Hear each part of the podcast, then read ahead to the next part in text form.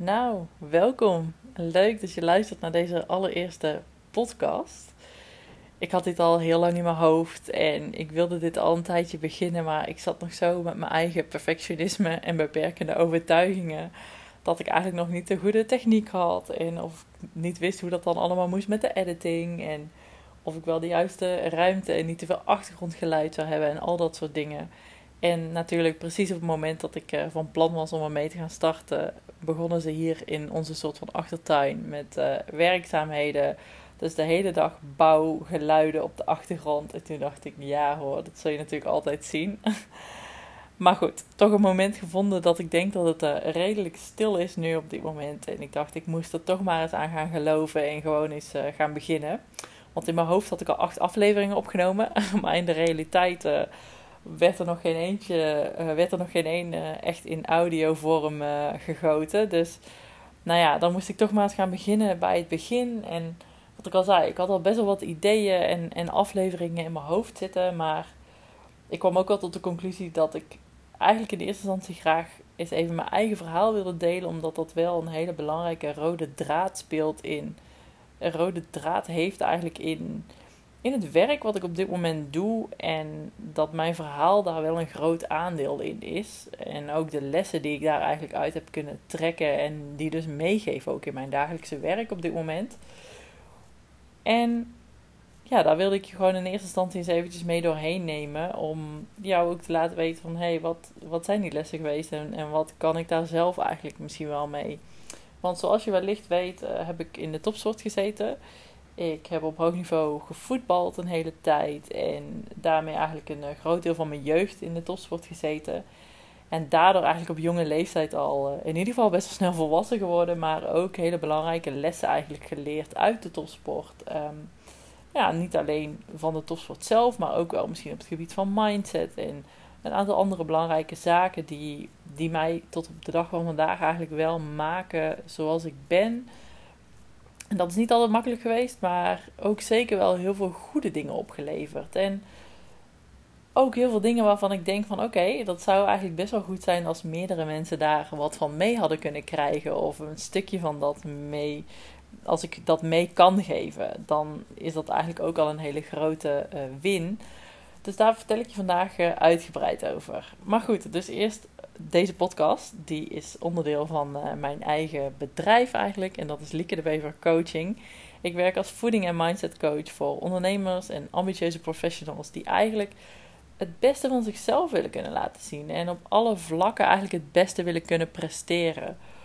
Omdat ze zich goed voelen, energiek, lekker in hun vel, fit. Um, echt gewoon, ja, topfit. Eigenlijk op, letterlijk op alle vlakken. En gewoon blij zijn met de keuzes die ze maken, hoe ze in het leven staan, de dingen die ze doen. En dat dus ook versterkt op alle vlakken. En ze zichzelf ook beter uit kunnen dragen op alle vlakken. Een leuke persoon zijn voor de mensen om zich heen. Eigenlijk meer uit hun eigen leven kunnen halen. Omdat ze gewoon ja, optimaal in hun vel zitten. En, en blij zijn met het lichaam waar ze in zitten. En wat ze daar allemaal mee kunnen.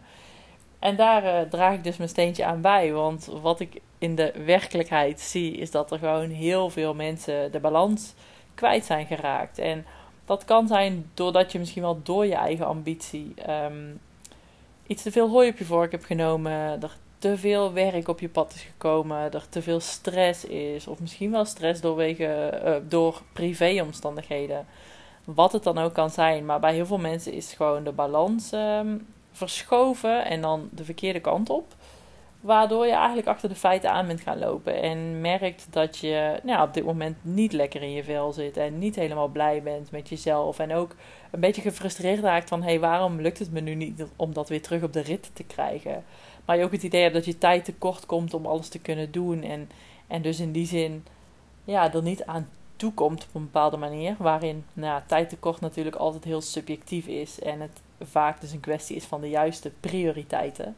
Maar waarbij je misschien ook gewoon even niet meer ziet waar je nu exact moet beginnen om echt die verandering te kunnen maken. Waarbij het zo'n drempel is geworden in je hoofd dat überhaupt de eerste stap zetten eigenlijk al ja, gewoon een hele grote opgave is geworden. En misschien hoe verder je doelstelling ook van je af ligt, dat die eerste stap nog des te groter is en, en heel lastig te nemen. En daarbij komt dan ook nog eens dat door alle kennis die tegenwoordig eigenlijk gratis beschikbaar is, dat er ook heel veel tegenstrijdige kennis en informatie beschikbaar is en jij eigenlijk door de boom het bos niet meer ziet. Want wat is dan het juiste wat je doet? Weet je, je wil als je dan eenmaal begint, wil je wel ook het goede doen. En als je eenmaal de moed en de motivatie weer gevonden hebt, dan wil je niet per ongeluk het verkeerde pad gaan bewandelen eigenlijk. En je wil het liefst wel ook zo snel en doeltreffend mogelijk uh, te werk gaan. En niet onnodig tijd verspillen aan iets wat dan misschien achteraf niet, niet goed bleek. Dus de kortste route naar je doel. En nou ja, wat ik al zei, er is tegenwoordig zoveel eigenlijk verkeerde en tegenstrijdige informatie beschikbaar. Dat jij gewoon niet meer weet, ja, wat, wat moet ik überhaupt doen? En telkens als je dan misschien een begin maakt of denkt dat je weer een beetje op de goede weg bent, dan lees je de volgende dag weer wat anders. En dan ben je eigenlijk helemaal uh, weer gedemotiveerd, omdat je weer gaat twijfelen van, doe ik dan wel het juiste? Nou, en daar, uh, daar help ik bij. Ik help een beetje orde scheppen in de chaos en helderheid creëren om eigenlijk met een heel persoonlijk plan van aanpak um, te werk te gaan. Ik kijk echt naar jouw individuele situatie van, hey, waar zit je in? Waar wil je graag naartoe? En hoe zouden we daar het beste kunnen komen? En wat past dan dus het beste bij jou als individu? Waarbij ik eigenlijk jouw leven gewoon help inrichten om die gezonde leefstijl zo makkelijk mogelijk te kunnen integreren. Waarbij het dus zo min mogelijk moeite en energie kost. Maar je wel de resultaten hebt en het ook vol te houden is. Want dat is het punt, weet je. Je kunt allerlei gekke methodes en diëten gaan volgen. Maar hoe lastiger dat is of hoe meer motivatie en wilskracht je dat kost hoe groter ook de kans is dat je daar heel snel, of in ieder geval nadat het afgelopen is, ook weer mee stopt en een soort van in je oude patroon teruggaat. En je er dan dus eigenlijk ook helemaal geen meter mee opschiet. Dus dat wil ik anders doen en ik geloof ook echt dat dat anders kan. En ik geloof dat er voor iedereen een gezonde leefstijl mogelijk is, in, wat voor situatie je dan ook zit. En, en ik help je om, ja, om dat weer eens even helder te gaan zien en en die verandering plaats te kunnen laten vinden, waarbij ik je ook coach op het gebied van mindset. Want op dat vlak ontbreekt er gewoon nog zoveel hulp op dit moment. En ik zie wel allemaal goede adviezen, maar er wordt heel vaak niet nagedacht wat voor impact die adviezen eigenlijk hebben. Of wat bepaalde veranderingen en keuzes met jou doen als persoon. En daar wordt eigenlijk een beetje aan voorbij gegaan. En precies dat stuk is juist wat zoveel impact heeft op, op überhaupt of jouw keuzes en veranderingen duurzaam gaat zijn of niet. En adviezen over hoe je precies zou moeten eten, die hebben echt ook een hele grote impact um, in jouw nou, psychologisch, sociaal, in je sociale omgeving. En daar wordt dus, wat ik al zei, daar wordt een beetje aan voorbij gegaan. En terwijl dat juist het punt is waar, waar het op valt of staat. En nou, dat uh, doe ik anders en daar uh, heb ik een andere aanpak voor. En dat is dus überhaupt ook ooit de reden dat ik voor mezelf ben begonnen, omdat ik zag dat het gewoon beter kon in Nederland. Um, in wat er op dat moment aangeboden werd. En nou dat wilde, ik, uh, dat wilde ik anders en dat wilde ik onder mijn eigen naam gaan doen. En dat is dus wat ik op dit moment doe. En zoals ik al zei, ik heb dus een, een verleden in de topsport. Ik heb eigenlijk van jongs af aan altijd gevoetbald. Weet je, ik kwam uit een heel klein dorpje uit het zuiden van Brabant. Ik was een heel bang, jong en verlegen klein blond meisje. Ik zag alleen wel dat er dus die twee sporten waren en ik wilde absoluut niet korfballen. Dus ik dacht, ik ga gewoon met de jongens voetballen. En mijn ouders vonden dat ook oké, die eh, stonden dat toe. Ik mocht gewoon op voetbal. En ik was gewoon one of the guys. Ik zag dat zelf ook eigenlijk helemaal niet als raar of anders of apart. En hun eigenlijk gelukkig ook niet. Dus nou, dat was gewoon wat ik deed. En ik had er ontzettend veel plezier in. En ik hield echt van die sport al, heel jong. En nou, dat is eigenlijk gewoon uh, mijn jeugd. Ik, ik voetbalde gewoon met de jongens. Maar op een bepaald punt viel dat natuurlijk op. Uh, bij de KNVB en bij de Bond. Want er waren toen nog niet zo heel veel meisjes die uh, echt fanatiek voetbalden. Ja, en als je dan ook nog het niveau uh, van de jongens gewoon mee kon doen, dan was dat op dat moment al vrij bijzonder. En voor mij was het gewoon eigenlijk de, de meest normale gang van zaken. En toen werd ik ongeveer op mijn twaalfde, denk ik, werd ik uitgenodigd voor het eerst om mee te spelen in een team van de KNVB, van de bond eigenlijk op dat moment. Ja, en dat was gewoon al zo'n eer, weet je, dat die brief bij mij thuis op de mat viel. Dat was iets waar ik al zo lang eigenlijk van, van droomde, dat dat, ja, dat dat mogelijk was. En, dat ik daar een keer voor uitgenodigd zou worden. Want ik wist wel dat die teams er waren. Nou, en dat was eigenlijk een beetje de start van het uh, op een iets hoger niveau gaan spelen. Dat waren al teams die ook opgezet waren om het niveau van meisjes in Nederland uh, ja, hoger te krijgen. Om eigenlijk draagvlak te kunnen creëren voor de topsport. En ik was daar dus uh, voor uitgenodigd. En ik ging dan één keer in de twee weken met allerlei andere meisjes die dus ook ja, redelijk niveau hadden voetballen om ja, eigenlijk dus nog beter te kunnen worden en op een hoger niveau te gaan spelen. En het was op mijn zestiende dat ik een brief kreeg, een andere brief van de KNVB, waarin ik uit werd genodigd om naar een informatie aan te komen luisteren voor een, uh, een topsporttraject. En dat was eigenlijk op dat moment een soort van talententeam wat ze op wilden zetten, waarbij ze een aantal meiden de mogelijkheid wilden geven om zich echt letterlijk op te laten leiden voor de eredivisie. Dus eigenlijk letterlijk een soort opstaptraject, een soort van springplank waarmee de doorstroom naar de eredivisie eigenlijk het uitgangspunt was. Dus nou ja, dat was gewoon een mogelijkheid om, daar, uh, om jezelf daarvoor op te laten leiden. Maar eigenlijk gewoon beter te worden om, om gewoon door te stromen naar de eredivisie. En ja, dat was voor mij op dat moment wel een soort van ultiem doel. En, en dat dat überhaupt mogelijk was, weet je. Dat was gewoon echt wel uh, het hoogst haalbaar op dat moment. En ik weet nog dat, we, dat ik met mijn vader in de auto zat. Dat we naar die informatieavond waren geweest. Het was in Amsterdam. En we zaten op de weg terug. En hij vroeg van... En um, ja, wat, wat denk je hiervan? Weet je? Lijkt het je iets?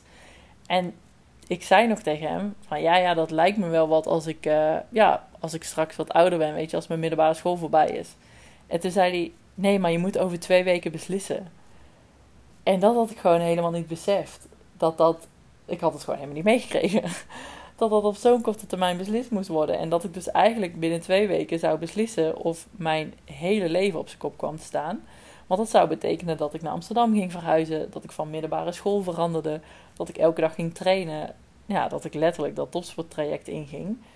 En ik was ontzettend bang en heel verlegen nog op dat moment. En ook iemand die eigenlijk helemaal niet graag van huis ging. En dit was dus wel even heftig. Maar tegelijkertijd wist ik ook dat dit een soort van mijn unieke kans zou zijn om in die Eredivisie te kunnen gaan voetballen. Dus ik kon eigenlijk bijna geen nee zeggen. En mijn vader die, die supportte het natuurlijk ook enorm. En die zei van ja, ik denk dat je dit moet doen. En weet je, ik wist ook van dit is de enige manier. Dus laat ik dat maar gewoon doen. Dus ik ging die uitdaging aan. En dat, uh, ja, dat had uiteraard best wel impact we verhuisden dus uh, van. Ik verhuisde van, vanuit Brabant naar een. Ja, naar op kamers eigenlijk, letterlijk in Amsterdam. We hadden een soort van gang op een flatgebouw met elf kamers aan diezelfde gang. Um, en die elf kamers, dat was gewoon dus voor ieder individueel. Dus we hadden eigenlijk letterlijk het he een heel team daar. Waarbij al die voordeuren, zeg maar, dus aan die gang gesloten waren. En iedereen daar eigenlijk zijn eigen kamer had als jonge, jonge meiden. En de school zat eigenlijk achter dat, uh, dat flatgebouw waar we dan woonden. Dat flatgebouw stond dus in Amsterdam Nieuw-West. Dus dat was uh, ja, in Osdorp is dat.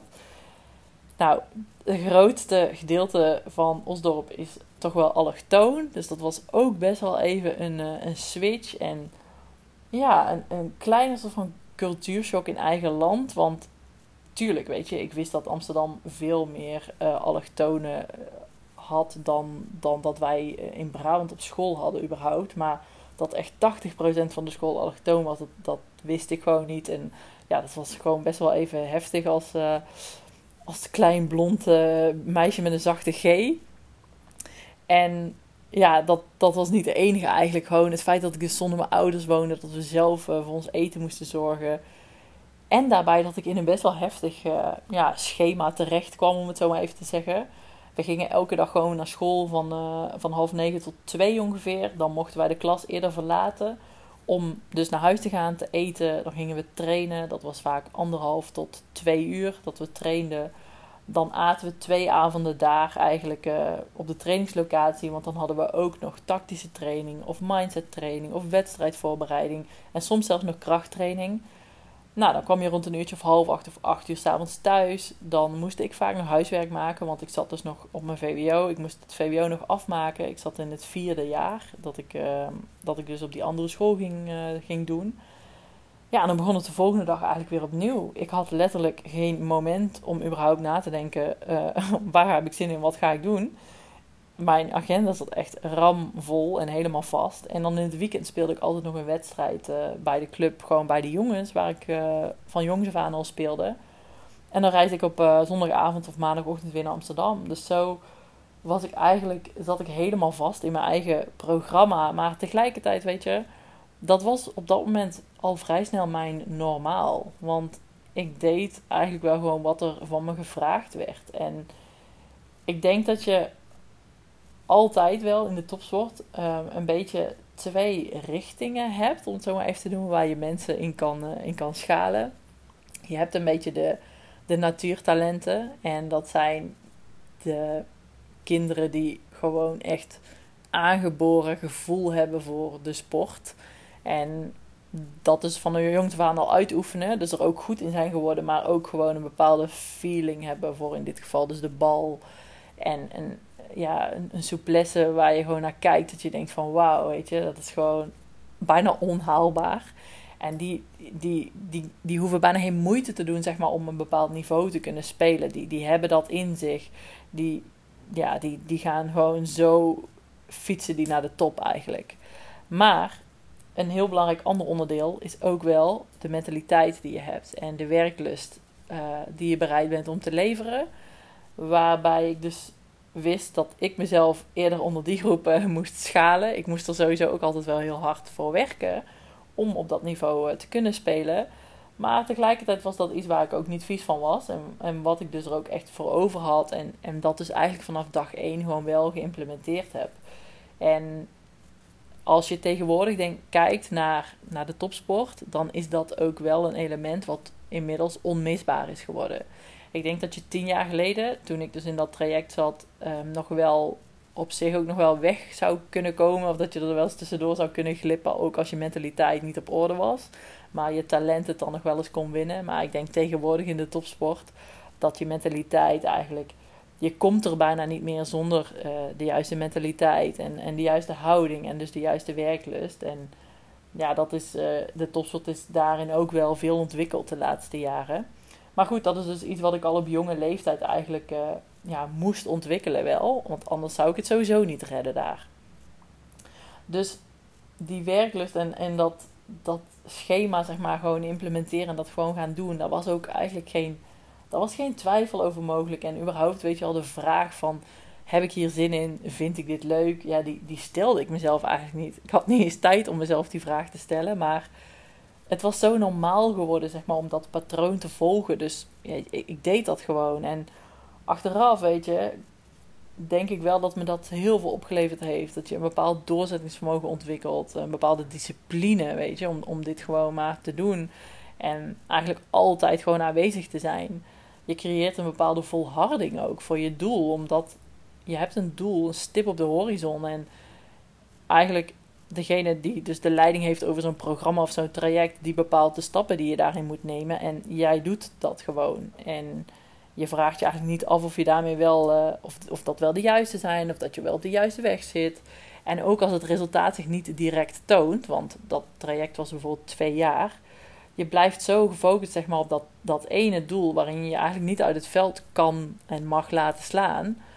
Want het heeft gewoon ook een bepaalde tijd nodig om daar te kunnen komen. En die standvastigheid eigenlijk, dat is iets wat je tegenwoordig ook niet meer zoveel ziet. Omdat we in de 21ste eeuw toch eigenlijk ook wel graag snel resultaat hebben van de acties die we uitvoeren. En eigenlijk direct beloond willen worden en, en heel korte termijn kijken en denken.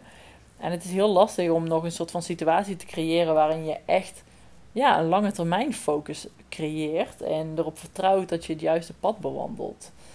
En natuurlijk, weet je, om leren gaan met tegenslagen en teleurstellingen. Want die zijn er echt ook heel veel geweest. En nou, een aantal tegenslagen uh, zijn überhaupt de reden dat ik nu uh, mijn, uh, mijn eigen bedrijf heb.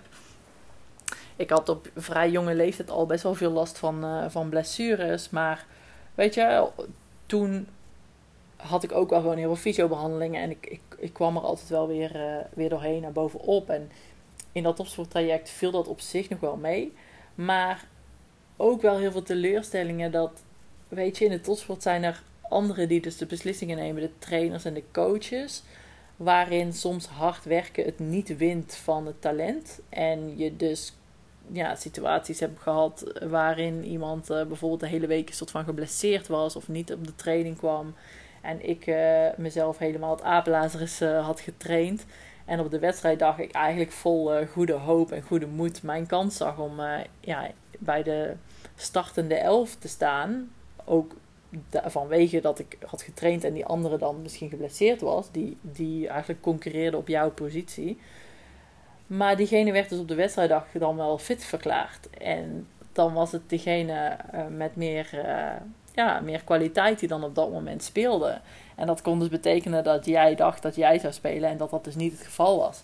En dan kon je alsnog plaatsnemen op de bank. En ja, dat waren dingen die wel veel impact hadden. En ook dan situaties waarbij je wel eens uh, dus op de bank moest beginnen en dan 40 minuten langs de lijn stond warm te lopen.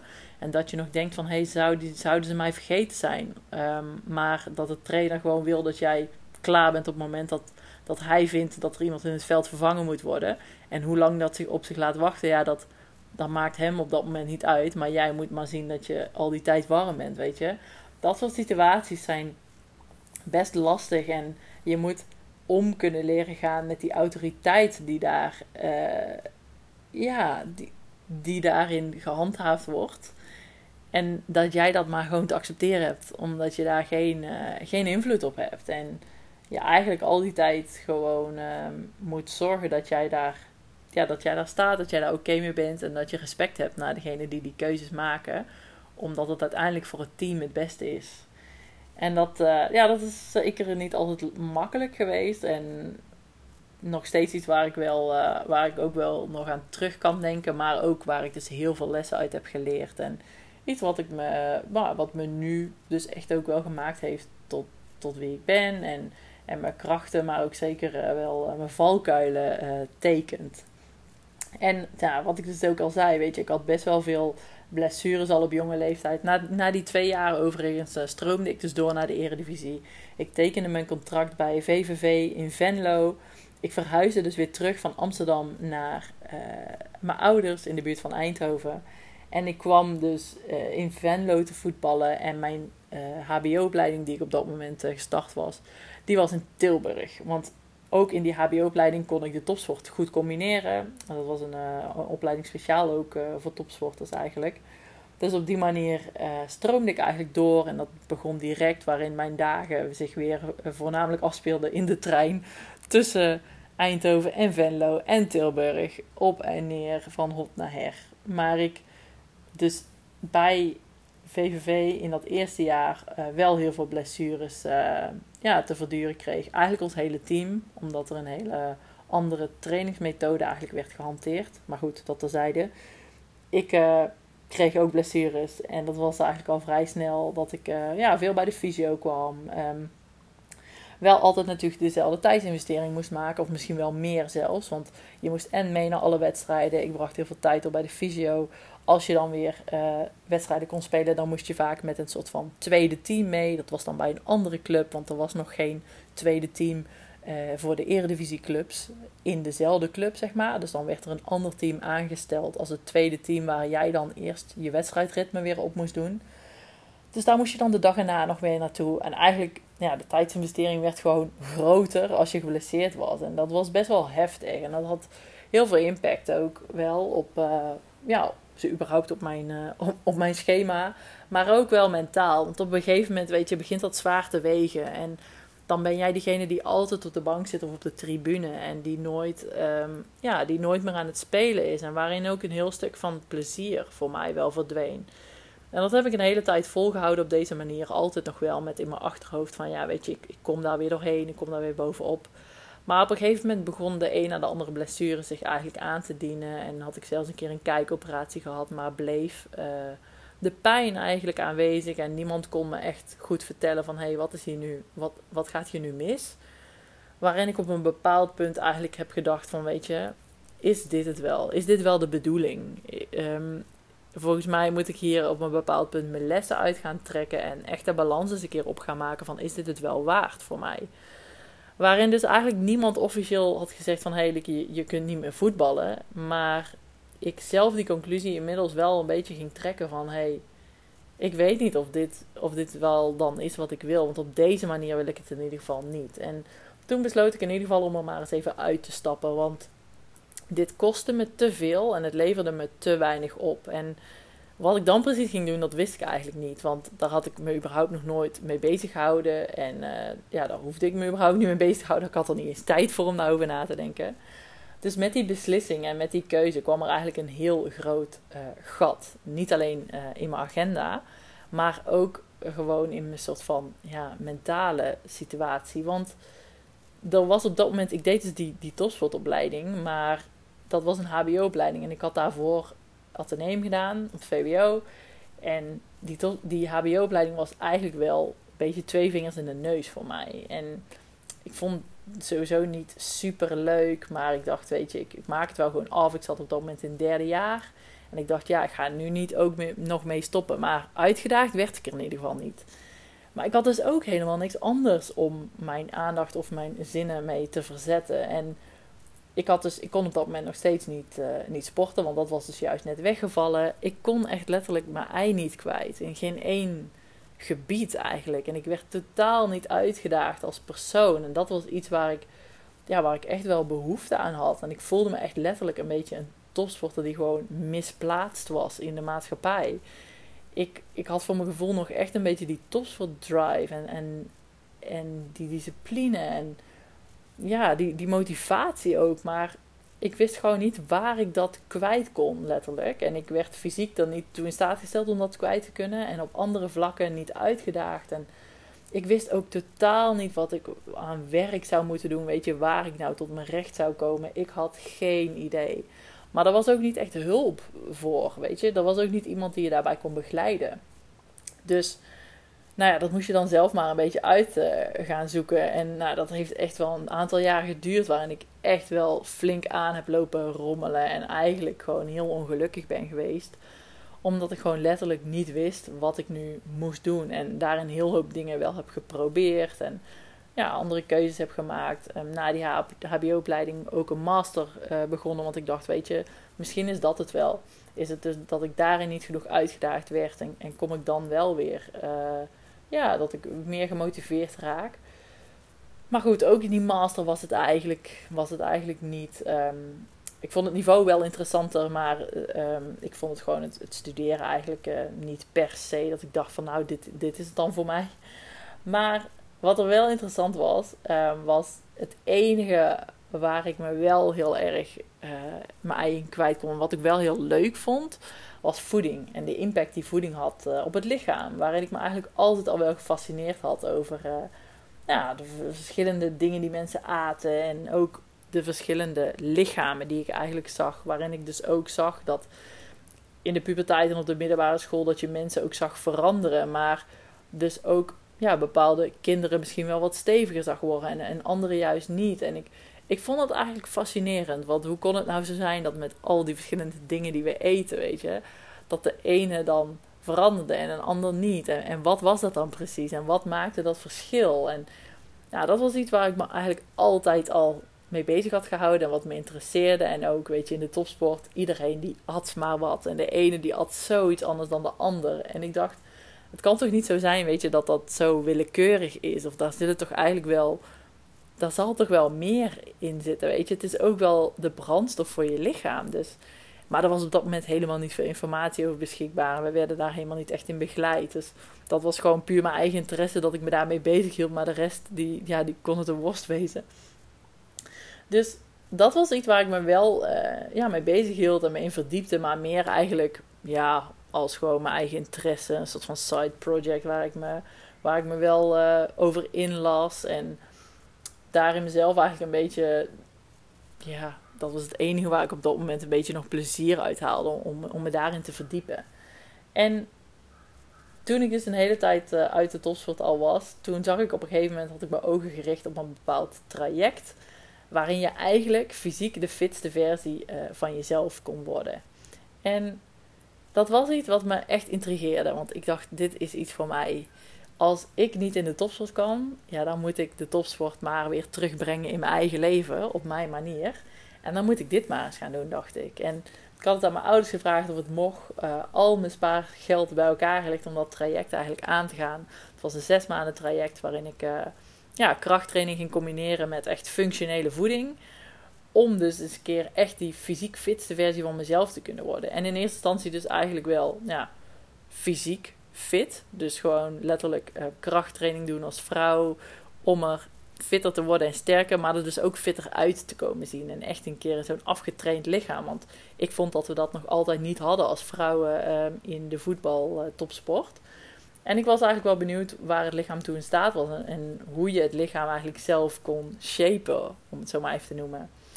Dus ik kreeg toestemming en ik ging dat doen. En wauw, die zes maanden, die hebben echt uh, een hele belangrijke ja, rol gespeeld eigenlijk in de kennis die ik heb opgedaan over voeding. En, en gewoon in mijn eigen ontwikkeling en in mijn fysieke ontwikkeling ook. Want ik zag dus echt dat op het moment dat je functioneler gaat eten, ja, dat je het lichaam gewoon zo snel en zo sterk kan veranderen. En dan dus in combinatie met krachttraining, ja, dat was echt een, eh, een gouden combi. En in die zes maanden, dus wat ik al zei, zoveel informatie ehm, over voeding en geleerd. En hoe je dat nu echt toe moest passen. En hoe echt over, weet je, de macronutriënten van koolhydraten, vetten, eiwitten. En wat zouden nu de juiste ehm, verhoudingen zijn. En hoe kun je daar dan de beste invulling aan geven. En al dat soort dingen om eigenlijk letterlijk functioneler naar voeding te gaan kijken. En die zes maanden, die hebben voor mij echt wel een bepaalde basis gelegd. Um, waar ik verder op ben gaan bouwen. Want tegelijkertijd was dat traject van die zes maanden, dat bracht me heel veel. Het bracht me heel veel kennis, maar er waren nog steeds heel veel open eindjes ook. En dingen die in mijn beleving niet helemaal klopten. Maar ik vond het wel heel tof, want het was dus een programma waar je je, je zinnen eigenlijk op zet. En als ik daar nu op terugkijk, weet je, dan was dat dus eigenlijk, zoals je het nu kunt vergelijken met ieder ander programma dat je zou doen, je doet dus tijdelijk even wat wat voorgeschreven staat, met als doel om daar fysiek beter op te worden. Maar daarna kom je dus ook in een beetje in een soort van gat. Want dan is dat programma dus een soort van afgelopen. En wat doe je dan? En dat had ook al best wel impact op mijn mindset, merkte ik. Want ik was het daarna ook wel een heel klein beetje een soort van kwijt. Uh, met alle kennis die ik wel had, maar dan nog steeds het gat tussen het wel weten maar het dan op de een of andere manier ook niet meer kunnen doen of niet meer toe kunnen passen, omdat je ook die stok achter de deur mist. Dat programma is afgelopen, weet je wel. En dat was eigenlijk ook, vond ik al fascinerend, dat dat gebeurde. En dat ik dat dus ook zag gebeuren bij mezelf, maar er dus ook niet direct een soort van oplossing voor had. En nou, ik bleef me verder verdiepen eigenlijk in voeding, want dat vond ik gewoon dat was voor mij gewoon alleen al een beetje de springplank geweest naar, naar meer. En ik, ik wilde gewoon alleen maar meer en meer over dit leren. En het was dus tijdens die masteropleiding dat ik een uh, vacature zag als voedingsdeskundige bij een bedrijf. En ik dacht, weet je, ik ga daar eens op, uh, op solliciteren. En dat was tevens ook een opleidingstraject. Dan werd je gewoon intern nog opgeleid ook. En ik dacht, dat is eigenlijk wel wat voor mij. En ik werd daar aangenomen. En ook zij waren eigenlijk wel verbaasd over de hoeveelheid kennis die ik had, uh, had opgedaan al. En mijn startniveau eigenlijk. Dus nou, ik was super enthousiast. Ik ging daar uh, aan de slag binnen dat bedrijf. En ik leerde eigenlijk nog veel meer over voeding. Ik werd echt wel next level nog opgeleid. En ja, daar heel veel kennis op gedaan. En, en tegelijkertijd ook de implementatie van die kennis. Om daar dus anderen eigenlijk fitter mee te maken. Dus ook eigenlijk een beetje het coachingsvak leerde ik daar. Ja, en ik zag dus gewoon hoe we ook andere mensen ja, diezelfde transformatie eigenlijk door konden laten maken als die ik zelf door had gemaakt. En mensen dus echt letterlijk ja, fit maken is wat we daar deden, letterlijk. En uh, ze dus helpen met een voedingsplan, weet je, een trainingsplan. En ze dan eens in de zoveel tijd, dan zagen we ze weer terug. Maar kijk, we werkten in een bedrijf en je werkt volgens bedrijfsprotocollen. En je hebt bepaalde regels en uh, dingen die je toe moet passen en die je moet doen. En we verkochten daarbij ook een aantal uh, producten. En dat was oké voor mij, maar ik zag ook iets interessants. En dat was dat ik soms een hele tijd mensen niet meer terugzag. En ze dan ineens weer binnenstapten en ze eigenlijk weer een soort van terug bij af waren. En ik dacht nog van ja, dat is eigenlijk ook bijzonder, weet je. Want dit is ook weer iets tijdelijks. En het moet toch juist zo kunnen zijn dat iemand zijn hele leven eigenlijk uh, verandert. Of dat je dus constant die fitte, fitte leefstijl eigenlijk kunt houden. Want wat heb je er anders aan? Dat als het alles maar een tijdelijk project is. En in die tijd had ik dat zelf eigenlijk al veel meer gevonden. Die balans, weet je. Tussen, ja, tussen en wel fit blijven, maar ook de touwtjes een beetje kunnen laten vieren en gewoon een leuk leven hebben. Nou, en dat is iets wat ik, uh, wat ik daar al opmerkte. Dat ik dacht van, hé, hey, dit is iets waar het aan ontbreekt. En, en ook hier ontbreekt het daar weer aan, weet je. Alleen, er was op dat moment ook niet echt ruimte voor mij om dat dan dus maar anders te gaan doen. Want ja, we hadden gewoon protocollen en regels en je moest gewoon doen wat je moest doen. En, en dat deed ik dus ook gewoon. Maar ik had toen begon het al een beetje te borrelen bij mezelf. Dat ik dacht van, nee, hier moet ik meer mee. Ik, dit kan beter, dit kan anders. Ik wil mensen juist verder helpen. Weet je, niet alleen maar uh, tijdelijk fit worden. En toen begon dat dus al een beetje te borrelen. En ik merkte ook dat na anderhalf jaar daar werken, dat de uitdaging er een beetje uitging voor mij. Het was eh, vrij veel hetzelfde. Weet je, je begon telkens weer op een startpunt. Uh, je hielp iemand fit worden. En dan zag je ze ook weer niet terug. En tegelijkertijd was het ook een beetje het vakgebied echt wel een beetje fitnessgericht. Dus we, we, we hielpen eigenlijk heel veel mensen ja, een beetje in de fitnesshoek, zeg maar, om, uh, om letterlijk fysiek fitter te worden. Of bijvoorbeeld prestaties uh, te verbeteren. Um, meer kilo's squatten of deadliften. Of nou, wat, dan ook, uh, wat dan ook de doelstelling mocht zijn. Ook andere sportdisciplines wel. Maar ik merkte eigenlijk dat ik het toffer vond om, om mensen hun leefstijl te kunnen veranderen. Waar ze eigenlijk op dagelijkse basis gewoon als mens door veranderde. En het was eigenlijk grappig dat ik op dat moment die doelgroep dus ook al een beetje meer aantrok van nature eigenlijk. Dus dat waren ook vaak de mensen die ik eigenlijk hielp. En ik vond het gewoon zo bijzonder om te zien dat door de veranderingen die ik bij iemand uh, kon maken in, in leefstijl, in voeding, in, in activiteitenpatroon eigenlijk, dat iemand gewoon met een hele andere uitstraling al binnenkwam na een aantal weken. En dat ik gewoon echt zag dat ja, misschien wel kwaliteit van leven, durf ik wel te zeggen, er vooruit ging. Gedurende een aantal weken al. En dat het gewoon ook echt behoorlijk impact had in een positieve, in positieve zin op, op het leven van iemand. En dus ook op allerlei andere vlakken. Dat je mensen echt letterlijk een beetje weer ja, zag opbloeien en, en meer kunnen genieten van alles. Omdat ze gewoon ja, zelf beter in hun vel zaten en zich beter voelden ook vooral. Ja, en dat vond ik toen echt al waanzinnig. En ik dacht, ja, weet je, hier krijg ik zoveel voldoening van. En dit is iets wat ik zo onwijs tof vind en zo leuk om te doen. En ja, dat vak, dat, dat stroomde gewoon echt letterlijk door mijn aderen en uh, mijn bloedvaten. En ik dacht, ja, dit, dit is het voor mij. In die baan vielen echt letterlijk de puzzelstukjes op zijn plek voor mij. Voor het eerst in zoveel jaren dat ik aan het zoeken was geweest.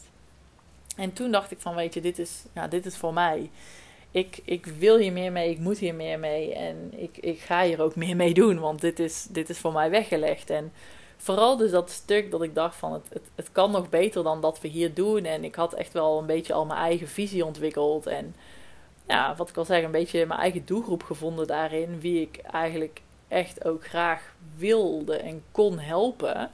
Om dus een duurzame leefstijl te ontwikkelen waarin je op alle vlakken in je leven erop vooruit ging. En dat is dat ik dacht van, ja, hier wil ik nog veel meer mensen mee kunnen helpen op mijn manier. En dus ook met dat stukje ja, mindset, waar ik uh, zo meteen ook nog wel even iets meer over zal vertellen. Maar het was dus na anderhalf jaar dat ik dacht, weet je, ik, uh, ik had het daar wel een beetje gezien. Ik had in die tussentijd overigens ook mijn huidige vriend leren kennen. En mijn huidige vriend is Argentijns. Wij hadden elkaar, uh, ja, wij waren elkaar tegen het lijf gelopen terwijl hij aan het reizen was. En dat was dus best wel ook een lastige situatie, want wij moesten eigenlijk letterlijk de wereld overreizen om elkaar te kunnen zien. Hij uh, mocht niet heel lang in Europa blijven met zijn visum. Uh, met een Zuid-Amerikaans uh, paspoort kun je niet zomaar in Nederland blijven. Dus wij zijn in dat eerste jaar dat we elkaar hebben leren kennen echt over en weer gevlogen van hot naar her. En ja, dat was eigenlijk na een tijdje was dat echt niet meer te doen. Want dan iedere zoveel weken vroeg ik of hij dan uh, vrij eigenlijk. En dan moesten we weer een duur ticket kopen. En dan was je weer twee weken even samen. Maar dat was ook een soort van vakantie dan. Dus dat was eigenlijk helemaal geen realistische situatie. En toen stelde hij voor, toen ik dus mijn master had afgerond. En ik ja, die baan inmiddels ook al wel een beetje gezien had. Zei hij, hey, zullen we anders eens een jaar samen naar Australië gaan? En toen dacht ik van, nou, weet je, klinkt eigenlijk op zich eh, wel goed en klinkt ook wel als een goed moment. En dat is eigenlijk grappig, want weet je, achteraf klinkt het zo cliché van ja, ik ging een jaar naar Australië en, en daar vond ik mezelf eigenlijk weer. Want Australië heeft voor mij echt wel ook een hele grote impact nog gehad in. Uh, überhaupt is daar mijn bedrijven geboren en ontstaan. Maar het heeft zo'n grote impact gemaakt op mijn leven. Want al die tijd dat ik eigenlijk, ja, ondanks dat ik dat mijn leven in een zwart gat eigenlijk uh, plaatsvond, om het zo maar even te zeggen, was het ook wel redelijk in een soort van sneltreinvaart aan mij voorbij gegaan al die jaren. Want ondanks dat ik niet gelukkig had en heel veel, ja, wel tijd om handen, had ik mezelf eigenlijk wel weer zo vastgezet in mijn eigen schema dat ik ook maar niet te veel na hoefde te denken. Ehm, dus met een master en een baan en uh, er inmiddels weer een sport bij gaan doen, zodat ik ook gewoon niet te veel, ja, letterlijk na hoefde te denken. Dus die, uh, die uitstap naar het buitenland, die kwam eigenlijk wel eens even op een juist moment. En ik zei tegen hem van, nou, laten we dat maar eens gewoon doen.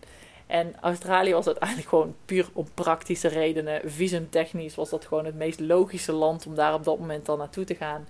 Ik kon daar een werkvisum krijgen en hij uh, kon op een uh, ander visum, een toeristenvisum, ook een jaar verblijven. En dan zouden we eens een jaar samen ook kunnen wonen op dezelfde plek. Om eens te zien van hey, hoe, uh, hoe ontwikkelt deze relatie zich dan op een meer realistische manier om samen te zijn. Nou ja, en um, dat kwam dus eigenlijk wel op een, op een uh, geroepen moment. Dus wij deden dat. En uiteindelijk heeft dat me zoveel opgeleverd dat jaar. Dat is eigenlijk echt niet normaal. Want ik kwam daar in een situatie waarin ik eigenlijk helemaal niks had. Uh, nog minder dan wat ik in Nederland had. Maar ik had gewoon weer even helemaal een blanco leven, maar ook in een andere omgeving. Ik kon dus letterlijk even afstand doen van die rollercoaster waar ik tot op dat punt eigenlijk in had gezeten. En is eigenlijk echt even kijken naar mijn eigen leven van hey, weet je, wat wil ik nu eigenlijk? Want er waren dus inmiddels wel een aantal conclusies die ik ook al wel kon trekken, waar ik wel heel veel uh, voldoening en plezier uit kon halen. En dat ik daar uh, wat meer mee moest doen. En tegelijkertijd had ik dus tijd om eens even echt tot stilstand te komen. En dus echt eens eventjes te analyseren en, uh, en na te denken. En ik begon daar op dat moment maar wel meteen even met een baan in de horeca. Omdat dat, uh, ik moest wel snel ook geld gaan verdienen om daar de huur te kunnen betalen. Dat zijn allemaal iets andere prijzen dan, dan dat we in Nederland kennen. Dus dat ging ik in eerste instantie doen. Maar dat was een vrij flexibele baan ook. En dan had je dus wel eens uh, door de week vrij, een dag vrij. En dan gingen we ook wel eens naar een national park of we gingen naar het strand. En ik had daar ook een Nederlands meisje leren kennen, waarvan de vriend toevallig ook Argentijns was. Dus één keer in de week ging ik met haar wat doen. En ik merkte gewoon dat ik tot rust kwam. En dat er eindelijk echt een soort rust en vrijheid over mij heen kwam. En ik een bepaald plezier in het leven letterlijk terugkreeg. En dat had ik zo lang niet gekend, omdat ik me eigenlijk zelf maar weer gewoon vast had gezet in die red race in Nederland. En nu kwam er eigenlijk echt, doordat ik stil kwam te staan en er ruimte kwam, kon ik ook weer plezier vinden. En, en weer wat meer geluk eigenlijk. En die andere omgeving deed me daarin echt heel goed. Waarbij het feit dat het leven echt weer even een soort van blanco canvas was, me heel erg heeft geholpen om om nieuwe keuzes te kunnen maken, um, nieuwe vriendschappen te kunnen maken. Mensen, ja, je maakt eigenlijk andere vriendschappen omdat mensen je, je verleden niet kennen en je allemaal eigenlijk buiten je comfortzone bent daar in een ander land. En ja, met, met een deel dezelfde interesses um, bepaalde dingen ook gaat doen samen. En ja, dat is voor mij echt een super goede periode geweest om, om eindelijk eens even ook rust te durven leren nemen en, en vrijheid te gaan ervaren. En een vrijheid die ik tot nu toe, tot dan toe eigenlijk nog nooit kende. Want mijn leven, weet je, dat zat, die agenda die zat zo vast. Er was überhaupt geen tijd, zeg maar. En, en vrijheid, dat kende ik sowieso niet. En dan met hier in Australië met een flexibele baan.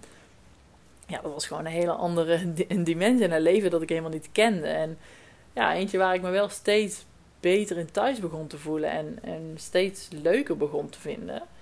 Ehm, en eigenlijk ook op dat punt dat ik dacht van, hé, hey, weet je, ik heb nu, nu weer ruimte. Ik heb ruimte in mijn hoofd, ik heb ruimte in mijn agenda. En stiekem kriebelde het weer om, uh, om misschien toch ook eens te gaan voetballen. Want we, we bleven gewoon op dezelfde plek wonen, weet je. Ik werkte daar, ik had weer wat vriendschappen gesloten, een beetje een sociale kringen opgebouwd. En ja, ik had eigenlijk best nog wel wat avonden ook tijd. En ik dacht, weet je, het zou best wel eens lachen zijn om, uh, om hier eens anders bij een voetbalteam te gaan.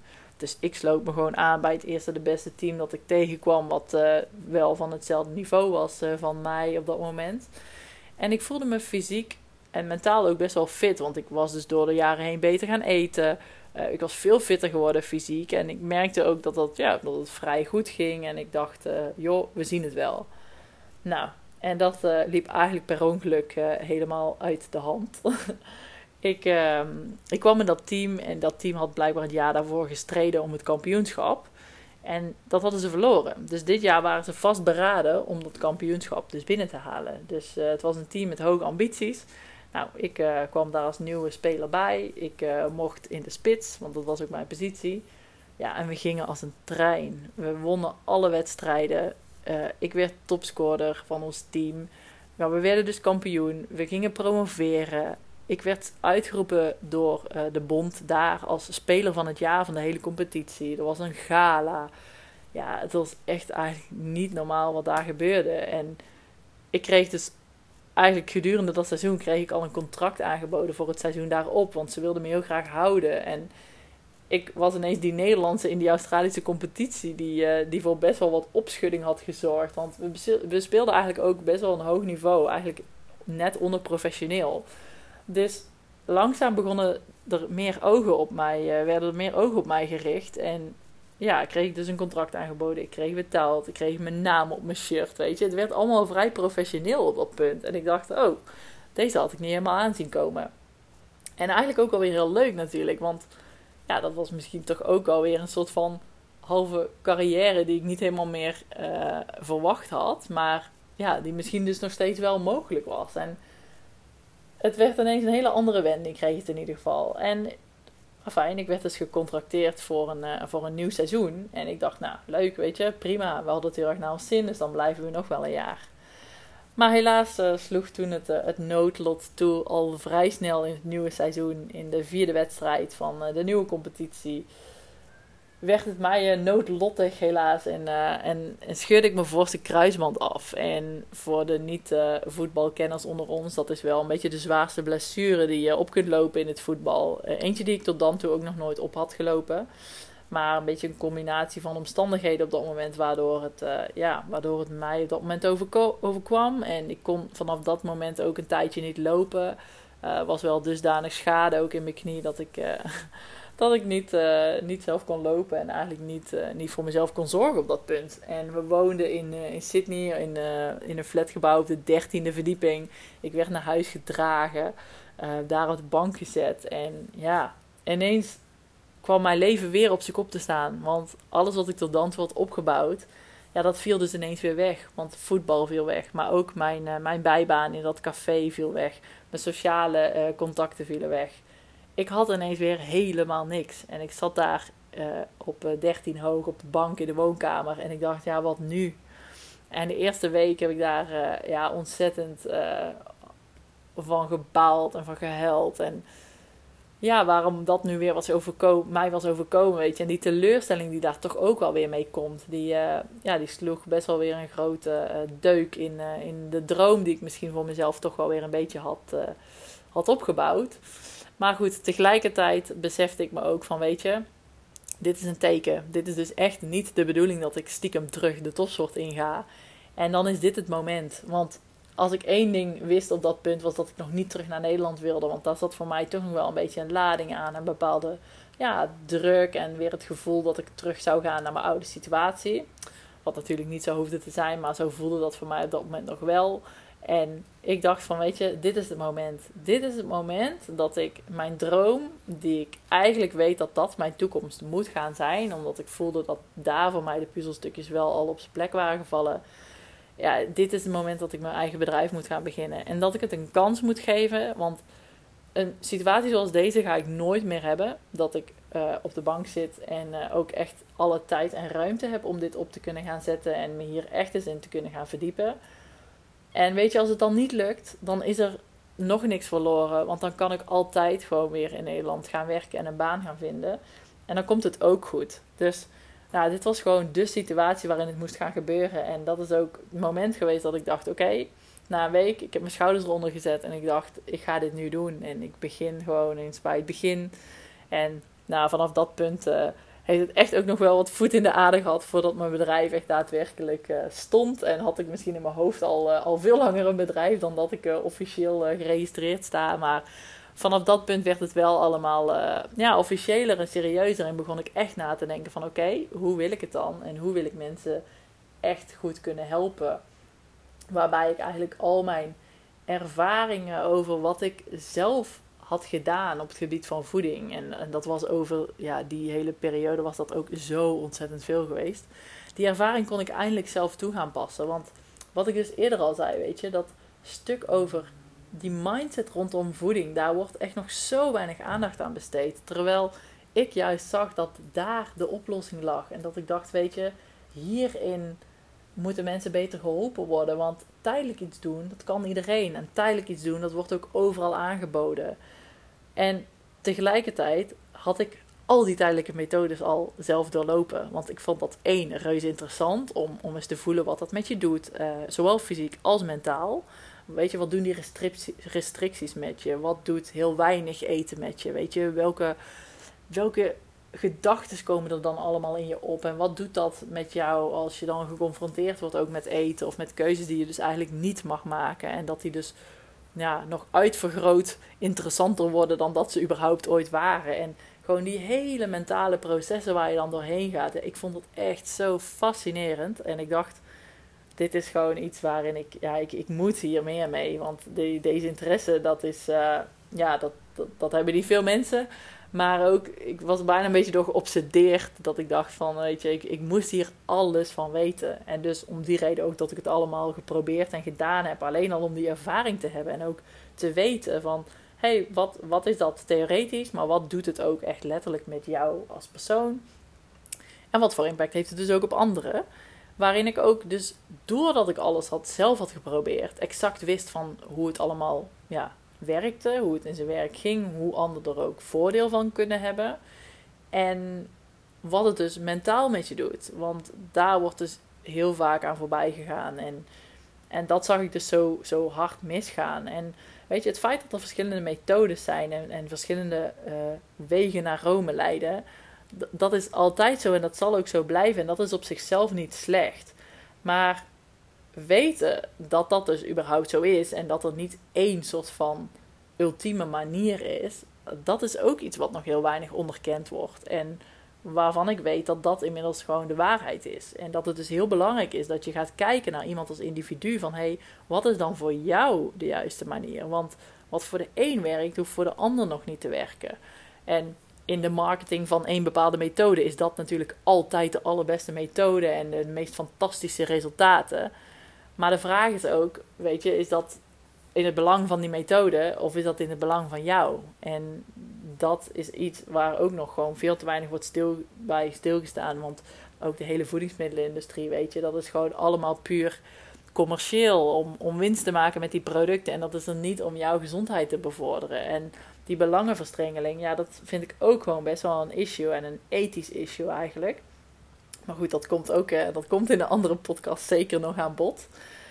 Maar dit is dus eigenlijk de reden geweest dat ik dacht, weet je, ik ga dat, uh, ik ga dat anders doen. Ik ga dat zelf doen. Ik ga mensen echt helpen met een oplossing. En een oplossing voor de rest van hun leven. Waarin ze leren herkennen van, hé, hey, wat is voor mij nu goed om te doen? Wat is voor mij nu een fijne balans? Weet je, hoe vind ik nu welke voeding voor mij goed werkt, welke voeding voor mij geschikt is, wat past bij mijn lichaam, maar wat kan ik ook mentaal goed dragen. Want alles heeft een prijs, zeggen ze wel eens. En, en het bestaat niet dat je alleen maar lekkers kunt eten en ook nog eens fit en energiek en lekker in je vel kunt zitten.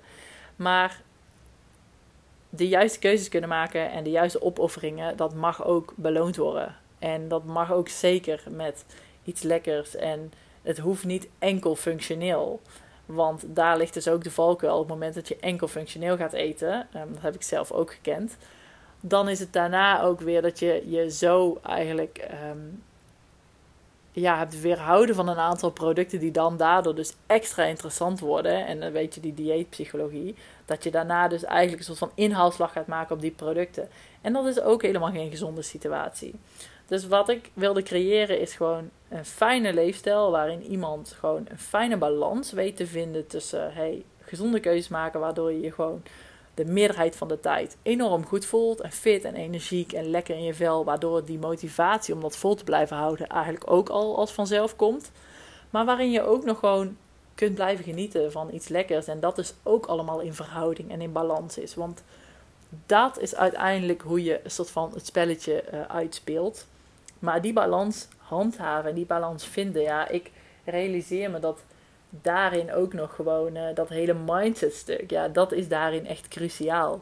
Want um, heel veel van uh, de, de ambitieuze professionals en, uh, en de ondernemers, die hebben toch wel een stukje perfectionisme ook. En die, die kennen heel erg het sterk, het alles of niets. Dus of jezelf 100% ergens voor inzetten, of het dan voorlopig uh, daarnaast weer helemaal uh, laten gaan en de touwtjes weer volledig laten vieren. En dat is dus precies hoe je niet verder komt. Want dan blijf je altijd in een soort van die, eigenlijk die dieet mindset hangen. Waarbij je gewoon geen meter opschiet. Want dan zet je één stap vooruit, maar je zet er weer twee terug. En dan kom je niet verder. En dat is ook helemaal geen duurzame leefstijl. Dus ik dacht, weet je, daarin uh, ga ik mensen helpen om dus die balans te vinden. Om die middenweg te vinden. Om, om eindelijk eens ja, echt jezelf fijn te voelen. En gemotiveerd te zijn door je eigen keuzes, trots te zijn, blij te zijn, je lekker in je lichaam voelen. En ja, je als mens eigenlijk gewoon beter en gelukkiger voelen en een hogere kwaliteit van leven hebben. En ja, dat is dus iets wat ik, uh, wat ik nu doe. En dat is iets wat mijn grootste droom eigenlijk is geweest, dat dat uh, zou lukken. En dat is werkelijkheid geworden. En een hele belangrijke les, denk ik, die ik je daarin mee wil geven, is: settle niet for less. Don't settle for less. En, en blijf vertrouwen en, en blijf geloven in jezelf dat het, dat het beter kan en dat het anders kan op, op ieder gebied. Weet je, als je niet, niet gelukkig bent of niet blij bent in je leven, maar ook dus fysiek, weet je. Er is echt hoop en er is echt beter dan als jij voelt dat het beter kan, dan, dan is dat zo. En, en vertrouw daarin op jezelf en, en hou die overtuiging dat dat zo is. En, en ja, ga niet bij de pakken neerzetten en gooi de handdoek nog niet in de ring. Want er is ook voor jou een oplossing. En, en streef gewoon naar het realiseren van je dromen. Want het kan echt. En het, het kan voor iedereen. En dat, uh, ja, dat is iets wat ik je mee wil geven. En dat ik hoop dat je dat ook meeneemt uit deze podcast. Dat het leven is maakbaar. Je lichaam is maakbaar. Um, en heel veel keuzes um, die kun je zelf maken. En mindset is daarin een hele belangrijk aspect. En ja, dat is iets wat, uh, wat een heel belangrijke rol sowieso heeft gespeeld in mijn leven. En waarin ik dus denk van, weet je, daar moeten gewoon nog veel meer mensen mee, uh, mee geholpen worden. En onder andere dat, uh, dat doe ik dus in mijn bedrijf. En daarnaast vind ik het heel belangrijk dat er een stukje ja, betere voorlichting komt over wat is nu eigenlijk gezonde voeding. Want mijn missie is ook echt om heldere informatie te verschaffen over gezondheid en gezond eten. En wat is nu een gezond patroon. En, en de juiste kennis te verspreiden in een wereld waarin zoveel uh, ja, tegenstrijdige en onjuiste informatie beschikbaar is. En echt dat stukje, je ziet door de boom het bos niet meer, om daarin eens wat helderheid te kunnen verschaffen. En uh, ja, helderheid te kunnen creëren. Dus dat is ook iets waar ik uh, veel mee doe in mijn eigen bedrijf. En daar ook heel veel plezier en voldoening uit haal. Als ik daar mensen ja, een beter, beter inzicht in kan geven in, in wat nu echt gezonde voeding is en wat niet. Dus daarin schrijf ik een aantal blogs, onder andere op mijn website. Maar ik deel ook heel veel informatie um, over gezonde voeding en, uh, en, gezonde leefstijl. Onder andere op mijn Instagram, waar ik heel actief ben. Dus mocht je me daar nog niet volgen, kijk dan zeker even op Instagram bij Lieke Coaching. En uh, ja, stuur me sowieso een keer een, een berichtje, een DM'tje als je deze podcast hebt geluisterd. Dan denk ik dat ik hem bij deze maar eens af ga sluiten. Mijn allereerste podcast. Er gaan dus sowieso nog meer afleveringen volgen heel erg leuk dat je geluisterd hebt naar deze allereerste podcast. Mocht je nog eh, suggesties hebben of een onderwerp dat je graag een keer behandeld ziet worden, laat me dat dan ook zeker weten. En anders in ieder geval tot de volgende podcast.